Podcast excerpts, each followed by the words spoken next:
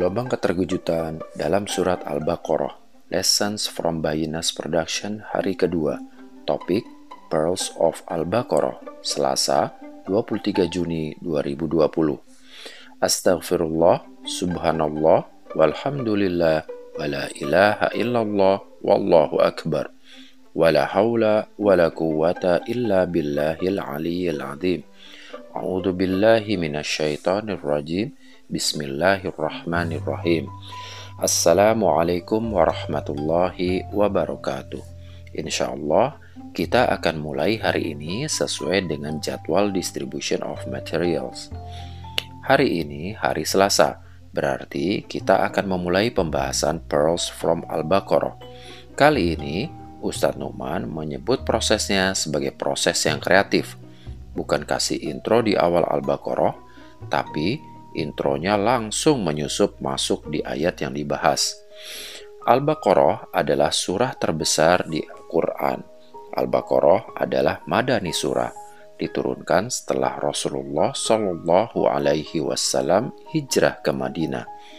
Di paruh akhir misi Rasulullah Shallallahu Alaihi Wasallam, sekitar 30 sampai 35 persen dari Quran.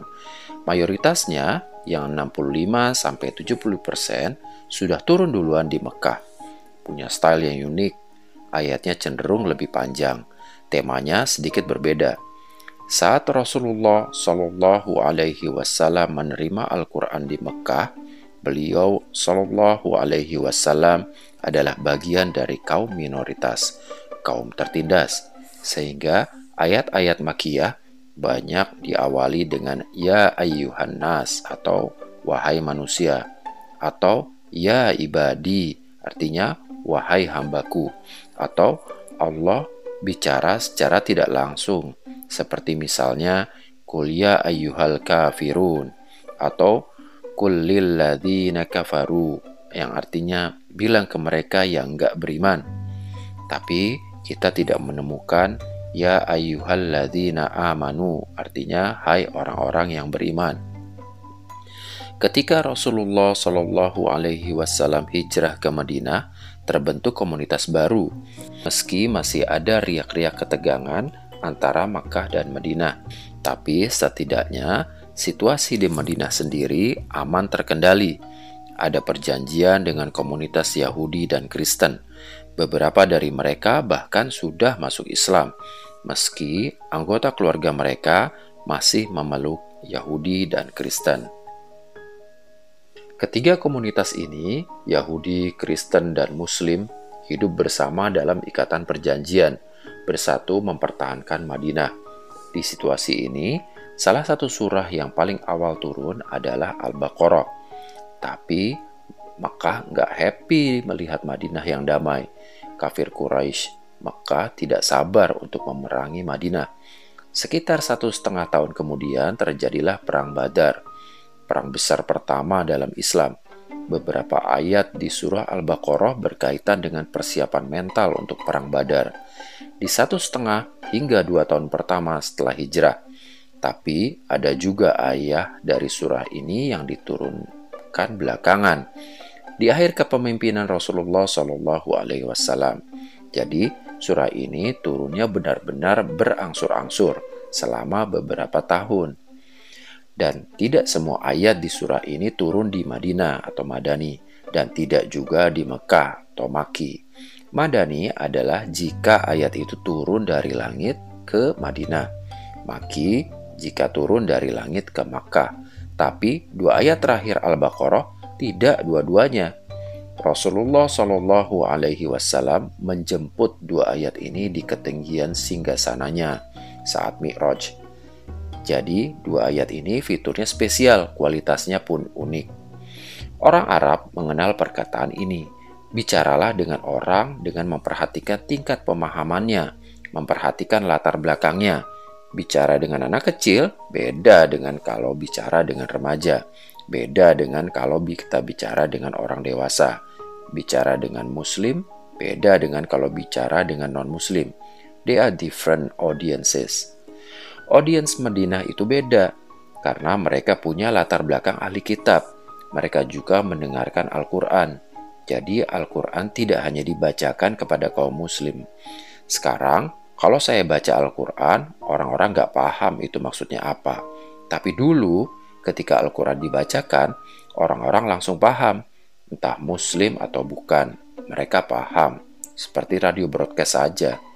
Jadi, beda dengan penduduk Mekah, karena mereka tidak punya latar belakang terkait turunnya ayat suci. Mereka adalah orang-orang musyrikun, mereka menyembah berhala.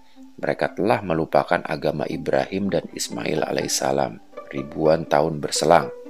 Mereka masih berkurban, tapi mereka lupa mengapa mereka berkurban. Mereka memelihara Ka'bah, tapi mereka lupa untuk apa tujuan Ka'bah itu. Gagasan tentang akhirat, tentang turunnya ayat, mereka sudah lupa semua itu. Madinah tidak seperti itu. Audiensnya beda. Muslim punya khutbah Jumat, Kristen punya ibadahnya sendiri, Yahudi punya sabat di sinagog. Mereka mendengar khutbah seperti umat Islam mendengar khutbah. Di khutbah itu, pemimpin mereka adalah ulama versi mereka. Tapi Al-Quran menyebut mereka al-ahbar, bukan ulama. Al-ahbar berasal dari kata khibr, yang berarti tinta. Artinya orang-orang ini banyak membaca dan banyak menulis sampai-sampai jari-jari mereka terlihat seperti selalu tercelup di dalam tinta. Bandingkan dengan baginda Nabi Shallallahu Alaihi Wasallam. Al-Quran sendiri bilang, An Nabi Al Umi, artinya buta huruf, unlettered. Kata Umi berasal dari um, artinya pendidikan formalnya adalah seperti bayi yang baru keluar dari kandungan sang umi.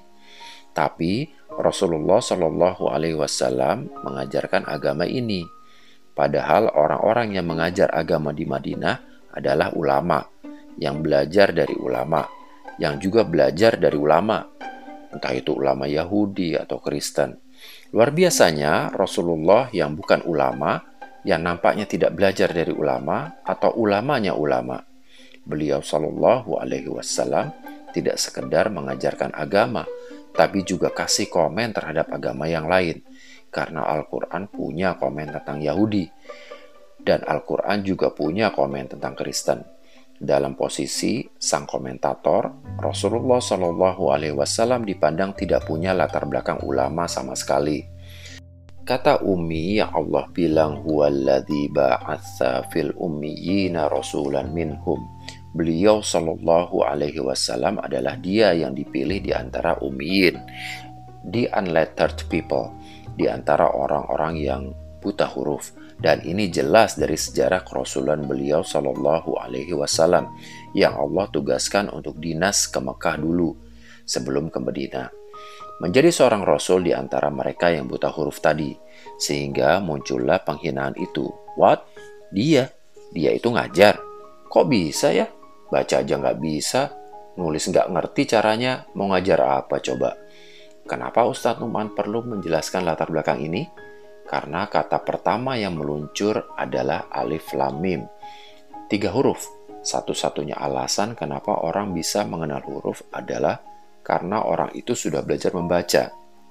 Dalam bahasa Indonesia, bahasa Inggris, bahasa Arab sama saja. Contoh, mobil atau car atau sayyarah yang tidak pernah belajar membaca tidak akan bisa mengeja M-O-B-I-L. Yang tidak pernah belajar membaca tidak akan bisa mengeja C-A-R. Yang tidak pernah belajar membaca tidak akan pernah bisa mengeja sin ya alif ro ta marbuto. Yang tak pernah masuk bangku sekolah ini maksudnya juga tidak pernah ikut homeschooling sama sekali atau apa pun. Dia hanya akan bengong kalau mendengar A, B, C, D, E, F, G, dan seterusnya. By the way, bengong menurut KBBI adalah termenung atau terdiam seperti kehilangan akal. Yang tak pernah belajar, huruf-huruf A, B, C, D, E, F, G tidak punya arti. Bukan tidak kenal ya, karena kan ada lagunya jadi mereka mungkin saja ikut-ikutan temannya menyajikan lagu A, B, C, D, E, F, G, dan seterusnya. Nyanyi doang, tapi nggak ngerti maksudnya. Alhamdulillah ya, kita itu melek huruf.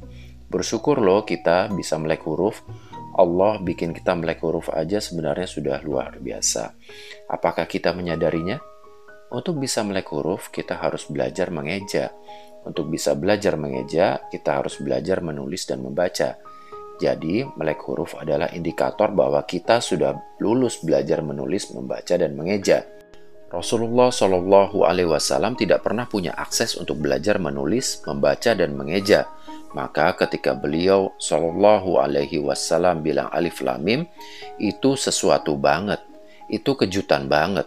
Ustadz Noman bilang, it sent shockwaves to the community, masyarakat Medina, khususnya yang sudah punya tradisi ulama tadi baik Kristen maupun Yahudi terkejut-kejut atau mengalami gelombang keterkejutan.